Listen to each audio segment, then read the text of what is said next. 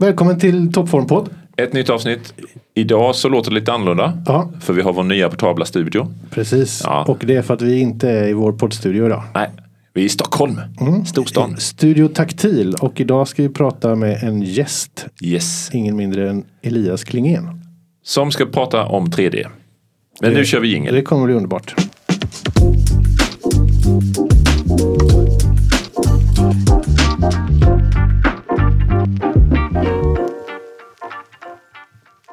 Så. Ja.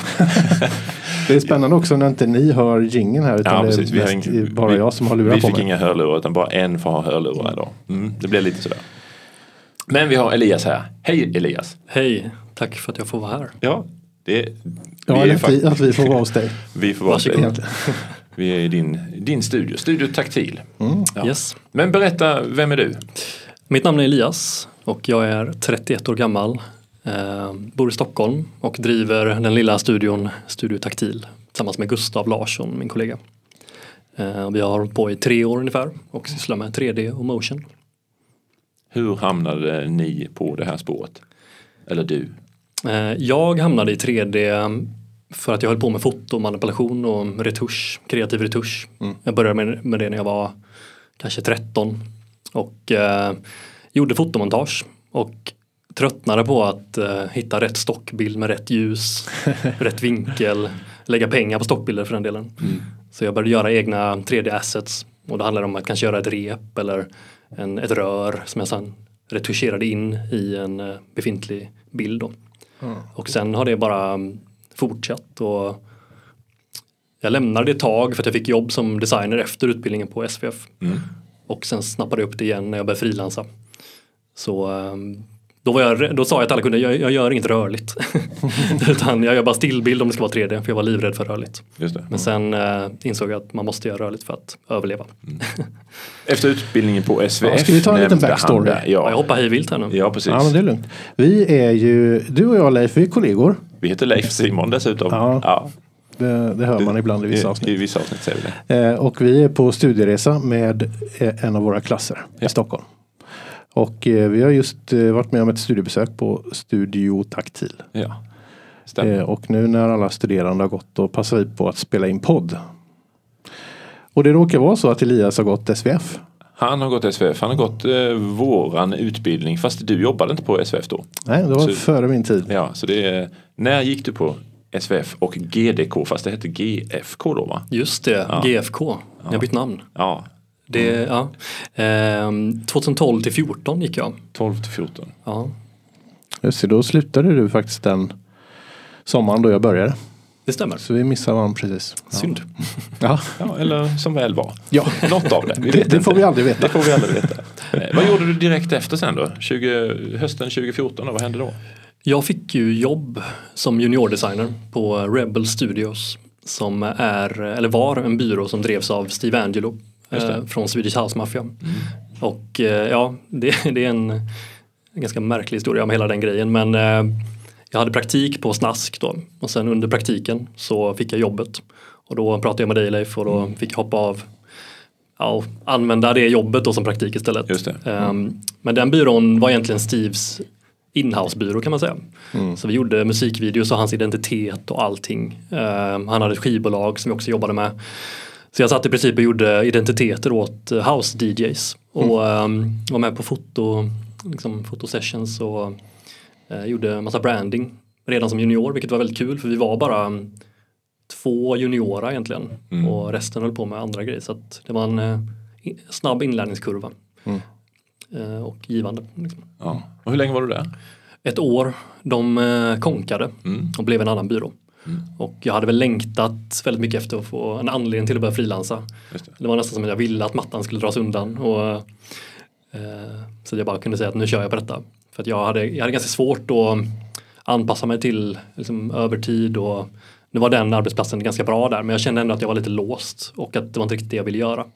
Så då började jag retuscha. Så jag jobbade med, mina första gig var tillsammans med Björn, en annan SVF-elev som då, eller jag vet inte om han jobbar där nu men han jobbade på Ultra Rapid, eller vad heter de? Ultra? Ja, Som gör eh, precis i Hästra. Precis, de gör typ häftapparater. Ja, precis. Så jag började tuscha häftapparater första månaden. Och eh, det är tack vare han jag kunde leva på frilans eh, första tiden faktiskt. Björn Falkenström. Om Tack. du hör det här så säger vi tack ska du ha. Ja. Tack Björn. Och, äh, men, och sen började jag göra massvis med retusch åt olika fotografer. Och det var väl ingen kreativ eh, syssla direkt utan det var mycket städa upp golv. Och sen när jag började liksom inkorporera 3D så var det som att det blev mer kreativt. Folk insåg att okej men nu kan vi faktiskt, vi behöver inte fota det här. Vi kan eh, låta Elias göra den här biten. Ehm, så ett av de tidiga jobben jag gjorde var faktiskt en Volvo-kampanj som var det var det mest stressiga jag gjort. Eh, jag var grön och nervös för, inför alla kunder. Och så ringer eh, ett produktionsbolag och vill att jag ska göra en eh, fotbollsarena i 3D på tre dagar. Mm. Och eh, det är en Zlatan-kampanj och eh, No och- pressure. No pressure och det är liksom massa grymt branschfolk och jag mådde ju fruktansvärt av detta. Men jag sa ja. Ehm, och Hur kan det vara att de kontaktade dig? jag tror att eh, 2014 där, eller vad blir det, 15 egentligen, så var det inte så många som frilansade som 3D-artister. Nej. Utan antingen var det liksom lite större produktionsbolag som var ännu dyrare eh, och gjorde lite andra grejer. Liksom. Eh, eller så fick man hitta någon som hade min nisch. Så jag tror det är lite tur också. Eh, men ja, Ja. och eh, så genomförde jag det jobbet och um, överlevde det. Och eh, sen eh, tog liksom 3D-resan fart kan man säga. Och, eh, När var det här då? det är 2015, eh, våren. Och eh, man kan väl säga att det verkligen tog fart när jag gjorde första Way Out West-maneret. Och eh, det var jag som kontaktade dem ett år innan tror jag jag fick göra det. De svarade inte. Eh, det var en studio som heter Studio Len och Chris som är nära vänner till mig nu. Ja. Och ehm, så fick jag ett mejl en dag och bara, men nu behöver vi någon som ska göra ett 3D-manér åt kommande Way Out West. Mm. Och eh, kan du göra det? Så jag åkte in, åkte in på möte och sa, ja men det kan jag. Jag hade gjort kanske fem animationer innan. Ja. Ehm, och fick gigget. Och ehm, det var jobbiga månader, men jag lärde mig jättemycket. Och det gigget resulterade i egentligen alla kommande gig efter det. Det var verkligen en sån grej som ändrade hur mycket jobb man fick in. Just det. Och jobbar du fortfarande för Way Out West eller hur är det? Um, nu har de haft lite, de Uppehåll. har, ju- de har haft uppehåll Mm. och eh, jag tror att budgeten inte riktigt är där att göra den typen av manér just nu. Okej, Men jag hoppas på att få göra det igen Mm. och i så fall tillsammans med Gustav, då, min kollega. just det. Just det. Men alltså, du, du sa du vill, vågade bara göra stillbilder där i början och sen fattade du att du var tvungen att göra animerat för ja, bättre betalt så att säga. Mm. Men, men var inte det, alltså, jag tänker det måste varit en, om man är nervös för att göra en stillbild eh, så är ju steget ganska långt till att göra en animation. Mm. Hur, hur, hur hamnade du där? Eller hur kunde du plötsligt det så att säga?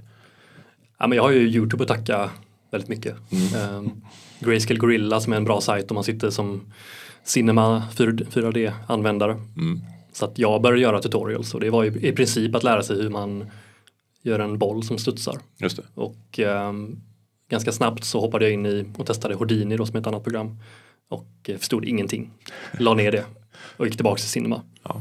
Så gick jag tillbaka till Houdini igen, fattade ingenting. Så jag har varit väldigt fram och tillbaka mellan de programmen. Mm. Men ändå snappat upp eh, saker under tiden och hittat en nisch som är rolig, och, rolig att göra. Mm. Det, det resulterade i någon slags abstrakt 3D eh, som är upp till eh, betraktaren att tolka. Ja. ja, för hur skulle man beskriva eran stil nu då, Studio Taktil? Om, om du får göra det. Mm, jag, jag tror att eh, vår stil eh, den kan nog ses som ganska spretig men i våra ögon så är det ändå att det finns en känsla för ljus och eh, detaljer som återkommer. Mm. Sen gör vi, och vi tycker också det är kul att göra väldigt olika typer av jobb. Så ehm, vi kan göra landskap och vi kan göra grejer på makronivå. Ehm, men vi försöker liksom lägga till den finishen på allt. När vi hinner. Just det. Eh, det är inte alltid man gör det i kundprojekt. Men Nej. Så fysiskt och realistiskt men ändå i en drömmig konstig värld. Mm. Eh, ni har ju en del egna projekt vet vi, men om vi pratar om, om jobbprojekt eller så, som, saker som ni har fått betalt för, vad, vad har varit det roligaste som du har gjort genom åren? Det roligaste är nog att jobba med Microsoft. Mm. För att de, är, de har ett väldigt kompetent team. Och när de kommer till en då vet man att det här kommer vara uppstyrt. Det kommer innebära kreativ frihet. Och det kommer synas. Det har liksom alla parametrar för att bli ett eh, roligt projekt. Mm. Så de tycker vi, det är roligt att jobba med dem och bygga en relation med dem. Mm. Sen ehm, har vi en favoritbyrå som vi jobbar med som heter Pjaddad som drivs av Petter. Ehm, Petter Johansson. Och eh, han är alltid rolig att jobba med. Ehm, Man får kreativ frihet, han litar på en, han kommer med roliga projekt. Mm. Så att ibland är det liksom byrån vi tycker är roligast och då kan kunden vara vad som helst egentligen. Mm. Men ehm, ja, vi, Då är det relationen som blir ganska viktig egentligen eh, för hur, hur roligt ett projekt är att jobba med. verkligen. Mm. Det är allt. Typ. Om jag skulle måla upp min tanke av hur Microsoft är så är de liksom eh, stela, fyrkantiga och rätt så tråkiga. Eh, Men det var inte din bild här nu när du berättar hur de är att jobba med. Så här. Var ni tveksamma när ni, liksom, när ni fick approach från Microsoft eller när ni började jobba med dem? Eller, eller visste ni från början att de här är kreativa och de är eh, öppna? Jag tror att eh, vi, vår fördom var som du säger. Mm. Hur, vad är svängrummet i det här egentligen? Det. Vi pratade ju om, jag tror det första projektet vi gjorde var för Outlook. det är liksom inte, det skriker inte kreativ frihet. Ja, precis. Men eh, det vi också kände till var att de har en ny design director som har slutat nu och jobbar på Google. Okej. Eh, tyvärr, men också eh, det kan vara en dörröppning eller man säger. Mm. Men han är väldigt duktig och hans jobb var att i princip ändra hur Microsoft framställer sig själva. Ja. Ehm, Så att han har gjort ett jättejobb. Han heter Nando Costa. Och ehm, han och hans team är bara, de är otroliga. Och de har liksom ändrat ja, hela Microsoft identitet och hur Windows presenteras. Så att vi hade lite kunskap om det så vi vände så här, "Men det här kan nog bli eh, intressant. Och sen vad kan man göra med Outlook? Det får ändå, grafiken ska ju bara vara där och supporta liksom. Det ska inte störa ehm, det ska inte störa när du går in och kollar din mail eller vad du gör. Liksom. Nej, det. Så att det finns ju en em, begränsning i form av färg och hur stökigt eh, det ska se ut. Liksom. Mm. Men eh, ja, fördomarna finns där men de mm. infriades inte. Lite nyfiken ändå, hur, hur gick det till liksom när Microsoft, för det var Microsoft som tog kontakt med er. Mm. Ja. Eh, Hade Microsoft ring, ringt mig och sagt hej vi vill ha lite hjälp av dig så hade jag bara liksom sagt Hallå Simon, försöker du lura mig? Ja, ja det, det är klart att det, man blir jättesmickrad och um, det är ju stort. Ja, Um, framförallt när de var så vänliga. Jag tror vi var väldigt nervösa jag och Gustav inför första mötena där. Liksom, Mm. att hur ska det här gå till? Vi kände väldigt mycket press. Men de var supersnälla.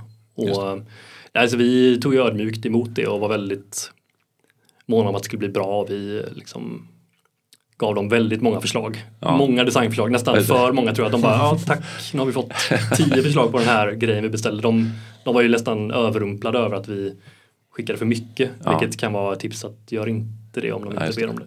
nej. Eh, För det verkar lite nojigt. um, nej, och ehm, ja, på den vägen var det. Mm. Vi fick ett mejl och jag, jag vet faktiskt inte hur de hittade oss. Eh, Om det var Behance eller om det. var Instagram. Mm. Ehm, ja. Och var det Microsoft i Sweden eller så att säga eller är det Microsoft i USA som hör av sig då eller vad, hur? Ja, det, är Det är USA-teamet. USA, Eh, Jag tror att det är där de sitter på designkompetensen. De har väl i Sverige också men Ja. de besluten tas i, Ja. om det är i Washington eller Boston, jag glömmer alltid det. Mm. Men där har de ett stort team. Mm. Vi säger Boston. Vi säger Boston. Ja. Vi har ingen aning. Nej men det är ju supercoolt. Ja, verkligen. Ja. Det finns en liten rolig historia kring eh, den här wallpapern vi gjorde till Windows 11. Eh, vi visste inte om att det skulle bli en wallpaper. Mm. Eh, utan det var ju faktiskt en, en bild vi gjorde till Outlook. Okej. Och ehm, av nyfikenhet så gick jag in på en The Verge-artikel och bara så här, det här är de senaste Windows 11 wallpapersen. Eh, de har läckt typ. Ja, Så jag bara, ah, undrar vad, undrar vad de har gått för, för look i år. just det. Och då ser jag att vår ligger där. Det är helt Eh, sjukt. Det, det är sjukt. Och jag mejlar då vår kontakt och frågar så här. Vad stämmer detta? Det känns eh, märkligt. Ja. Och de svarade bara yes, congrats. så det, det är lite, de har ju den här mentaliteten att de är ju störst. Och Ja. vi har väl skrivit under något NDA som man inte har lusläst. Just det. Som säger att det här kan de använda till vad som helst. Mm. Men eh, det är såklart bara kul. Du skulle inte Mm. protestera? Nej, verkligen inte. Nej. Men det, det var en märklig grej bara. Ja, ja häftigt. Ja, det måste vara en surrealistisk känsla. Ja.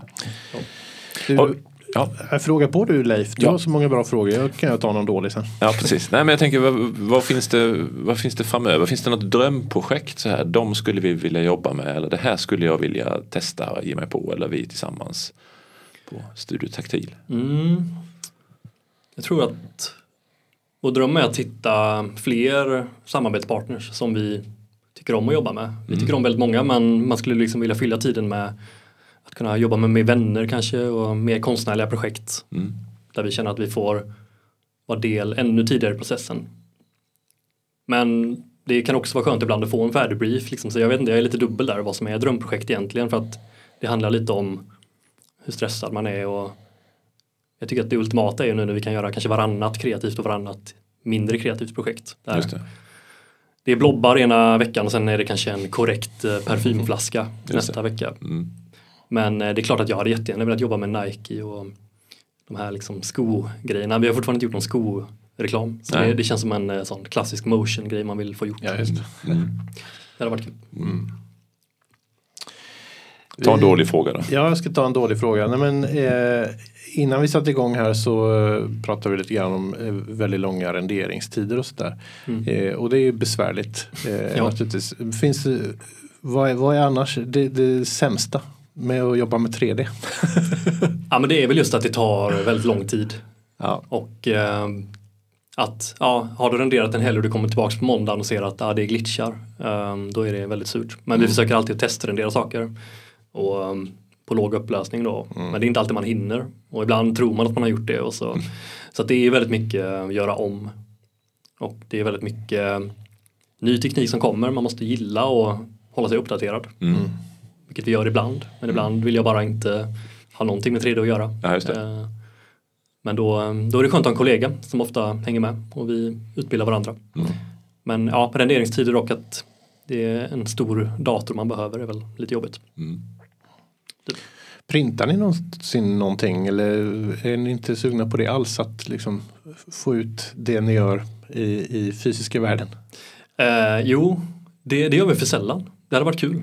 Ehm, jag tror att vi har någon idé om att vi skulle vilja ha någon utställning med vissa grejer men ehm, det kanske kommer. Ehm, det går ju trots allt att välja upplösning själv så vi kan ju bränna upp det väldigt stort ehm, i renderingarna. Liksom. Just det. Mm. Vad, vad skulle du säga om man, om man skulle vilja ge sig på 3D? Eh, som eh, ja, man har hyfsad koll på formgivning och design och så här. Och så. Om, så vill man ge sig på 3D. Var, var, var ska man börja?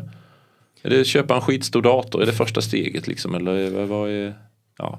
Nej, jag, jag tror att ehm, det räcker jättebra med en laptop i början Mm. och se, är det här något för mig? Eh, de nya mackarna är ju väldigt starka. Um, vår praktikant nu sitter på en Mac, en Macbook med M1-chippet och det går jättebra. Ja. Det är klart att skulle hon vara med i ett team och liksom vara ansvarig för en del av renderingen då hade det inte gått. Men jag tror att det räcker gott och väl i början och kanske ta ut lite lågupplösta animationer och prova lite stillbild. Um, vad var frågan igen? Var det hur ja, man... ja, men var, var börjar man? Liksom Ja. så, vilket program ska man ge sig på? Ska man kasta sig in i Houdini som ni kör direkt? Eller? Aj, Jag skulle inte ha klarat det som första program. Eh, Det är inte riktigt så min hjärna funkar. Liksom. Houdini är jättebra men för mig var det perfekt med Cinema. mm. Idag skulle jag nog rekommendera Blender faktiskt till eh, alla som börjar med 3D för att det är gratis. Mm. Och det kommer alltid vara det. Mm. Det finns en jättestor community, jättemycket bra scripts och liksom en, men en aktiv community som hjälper dig och det finns mycket tutorials. Mm. Det, det tror jag är det viktigaste nästan, att känna att jag kan få hjälp för du kommer behöva ställa mycket frågor. Och då är det skönt med en eh, community, som finns där och stöttar. Ja. Och eh, jag, jag tror att jag vet många spelföretag som har gått över till Blender som huvudmodellerare eller ja, att de använder det som ett main-program. Just det. Så att, eh, det skulle jag rekommendera. Ja. Härligt. Du, eh, om man är nyfiken på, eh, på dig och Gustav och se vad ni gör och sådär, vart hittar man er då? Eh, studiotaktil.com eller studio.taktil på Instagram. Mm. Där är vi ganska aktiva. Um, eller bara Du- släng ett mail. Du nämnde vi- Behance. Eh, Behance har vi också. Ja. eh, men också inte superaktiva. Okej. Det är som att man har blivit lite slapp med att uppdatera portföljen. Mm. Eh, det borde vi bli bättre på. Eh, Så vi får göra de jobben vi vill. Det, det är lite så när, när jobben rullar in så blir portföljen lidande. Ja men kanske, jag Ja. vet inte. Eller så är vi bara lata. Det är bra att vara lite lata. ja. Ska vi gå vidare till våran uppsnappat Ja, men det kör vi. eh, avdelning? En liten avsnittet? uppsnappat jingel.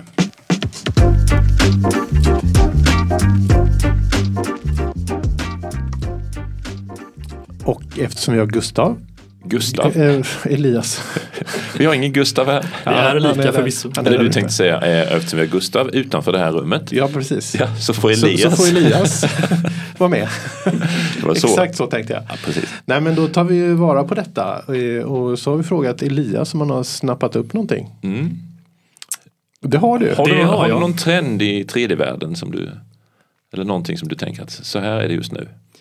Ja, den abstrakta 3Dn eh, pikar väl mer än någonsin. Ehm, och eh, blobbar som flyger runt och gör saker de inte borde göra. eh, I princip.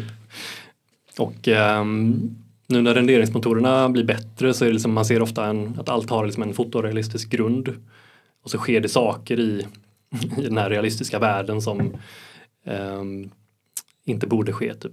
Även om det är luddigt. Men eh, den abstrakta 3D är väldigt populär och det används väldigt ofta i grafiska identiteter till företag. Eh, man kanske vill ha en loopande bakgrund som man kan använda i PowerPoint eller Keynote-presentationer. Så det har ju ett användningssyfte och jag tror att fotomaneren har liksom hamnat lite åt sidan och mycket görs i 3D nu. eh, när det kommer till den biten. Mm. Sen tror jag att det finns saker som 3D aldrig kommer att ersätta heller. Men. Men så trendmässigt eh, abstrakt och ja, roliga färger. Li, mycket liksom neonfärger som blandas med jordiga toner. Mm. Eh, det är min spaning i alla fall. Ja. Spana efter det ni andra också, se om Elias har rätt. Eh, Jag tycker att mig se en hel del sånt i olika sammanhang faktiskt nu. Som det, det flyter runt och rör sig lite uppblåsbara blobbar eller krymper eller sprängs. Eller så. Mm. Det är mycket blobbar nu. Det är mycket blobbar nu. Det har blivit vad liksom tror du kommer, alltså det brukar alltid bli en motreaktion på allt sånt där. Nu, nu gick jag vidare ändå här innan vi avslutar. Det är okej. Ja, eh, men eh, vad, vad kommer härnäst då i så fall? Har du någon redan, liksom, om man tittar runt hörnet, det är alltid svårt. Ja, Nej, men det kanske blir en motreaktion som du säger att eh, vi tröttnar på det där som är helt abstrakt Ja, och att man vill göra något som mer föreställer något. Eh, jag tror mycket på att man kommer använda inskannade assets från naturen ännu mer och faktiskt bygga sätt som ser helt verkliga ut. Mm. Eh, att fotografer kanske, kanske kommer gå mer åt 3D-hållet och använda det som ett verktyg Mm. och inte se det som en eh, konkurrerande bransch. precis. Utan jag tror att eh, vi kan lära oss av fotograferna och de kan lära sig av oss. Mm. Det har varit kul att se med samarbeten där faktiskt. Jag Ja, tyckte just det var kul att jobba med, med fotografer. Ja.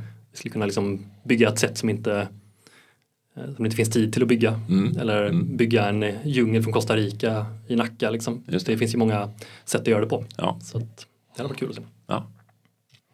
Toppen! Ja, det här med 3D det är för mig ofattbart. Du suckar varje gång du tittar på min dator och jag har Cinema 4D igång. Ja, Det är liksom, ah, ser jobbigt ut. Vad, vad känns eh, läskigt tycker du? Är det, ja, men det är väl den tredje dimensionen kanske. ja den är läskig, den är Ja. inte eh, att leka med. Nej. ja, nej, men eh, jag vet inte, jag tycker det ser skitcoolt ut men det är mer kanske att jag tänker att oj om jag ska lära mig det där så kommer det ta så mycket tid. Och eh, det är så mycket annat som jag också är sugen på. Ja. Det handlar ju ofta om det att hitta prioriteringar där. Men jag tror att Ja. eh, när man ser allt avancerat som görs så blir man avskräckt. Liksom. Jag tror att Lite så det tror kan jag om det är för bara, mig. ja, det, det handlar om att göra något enkelt bara. Mm. Och så öppnar det upp nya dörrar och jag menar, som sagt jag började göra några metallrör till mina fotomanipulationer liksom. Mm. Eh, och sen bara var det som att öppna en dörr och så vill man göra allt. Och då kändes det inte som man la tid på det utan det var bara okej jag behöver den här så då lär jag mig hur man gör det. Typ. Det är livsfarligt. Det är livsfarligt. Eh, ja, men ni som Men lärare kul. har väl Det är nog. kul. Ja. Det är roligt att lära sig nytt. Det är det. Ja. Superbra. Tack så eh, jättemycket Elias för att du ville vara med i Toppform-podd. Tack så mycket. Jättekul att jag fick vara med. ja. Vi stoppar där. Vi är Ja. klara. Tack och hej. Ha det så bra. Sköt om er så hörs vi. Hej då. Hej då.